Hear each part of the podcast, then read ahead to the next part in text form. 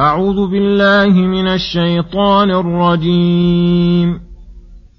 كان الناس أمة واحدة فبعث الله النبيين مبشرين ومنذرين وأنزل معهم وأنزل معهم الكتاب بالحق الحق ليحكم بين الناس فيما اختلفوا فيه وما اختلف فيه إلا الذين أوتوه من بعد ما جاءتهم البينات بغيا بينهم فهدى الله الذين آمنوا لما اختلفوا فيه من الحق بإذنه والله يهدي من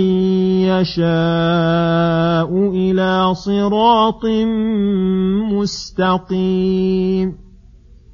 أم حسبتم أن تدخلوا الجنة ولما يأتكم مثل الذين خلوا من قبلكم مستهم البأساء والضراء وزلزلوا حتى حتى يقول الرسول والذين امنوا معه متى نصر الله الا ان نصر الله قريب يسالونك ماذا ينفقون قل ما انفقتم من خير فللوالدين والاقربين واليتامى والمساكين وابن السبيل وما تفعلوا من خير فان الله به عليم بسم الله الرحمن الرحيم السلام عليكم ورحمة الله وبركاته. يقول الله سبحانه كان الناس أمة واحدة الآيات. أي كان الناس مجتمعين على الكفر والضلال والشقاء. ليس لهم نور ولا إيمان. فرحمهم الله تعالى بإرسال الرسل إليهم مبشرين من أطاع الله بثمرات الطاعات من الرزق والقوة في البدن والقلب والحياة الطيبة وأعلى ذلك الفوز برضوان الله والجنة. ومنذرين من عصى الله بثمرات المعصية من رزق من حرمان الرزق والضعف والإهانة والحياة الضيقة وأشد ذلك سخط الله والنار. وأنزل معهم الكتاب بالحق وهو الإخبارات الصادقة والأوامر العادلة وكل ما اشتمت عليه الكتب الإلهية فهو حق يفصل بين المختلفين في الأصول والفروع وهذا هو الواجب عند اختلاف والتنازع أن يرد الاختلاف والتنازع إلى الله وإلى رسوله. ولولا أن في كتاب الله في كتابه وسنة رسوله فصل النزاع لما أمر بالرد إليهما ولما ذكر نعمته العظيمة بإنزال الكتب على أهل الكتاب وكان هذا يقتضي اتفاقهم عليها واجتماعهم أخبر تعالى أنهم بغى بعضهم على بعض وحصل النزاع والخصام وكثرة الاختلاف فاختلفوا في الكتاب الذي ينبغي أن يكونوا أولى الناس بالاجتماع عليه وذلك من بعد ما علموه وتيقنوه بالآيات البينات والأدلة القاطعات وضلوا بذلك ضلالا بعيدا. وهدى الله الذين آمنوا من هذه الأمة لما اختلفوا فيه من الحق.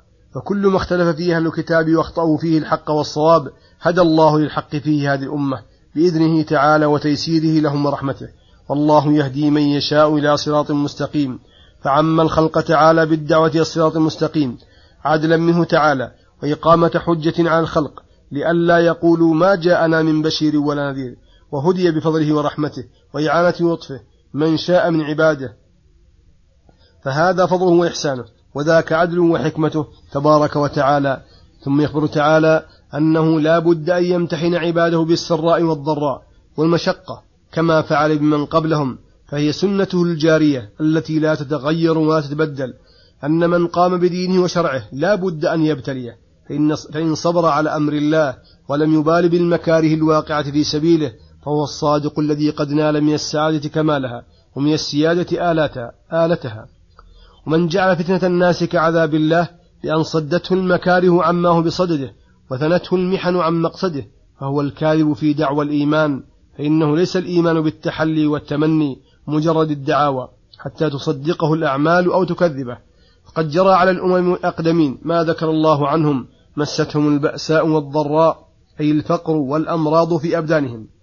وزلزلوا بأنواع المخاوف من التهديد بالقتل والنفي وأخذ الأموال وقتل حبة وأنواع المضار حتى وصلت بهم الحال وآل بهم الزلزال إلى أن استبطأوا نصر الله مع يقينهم به.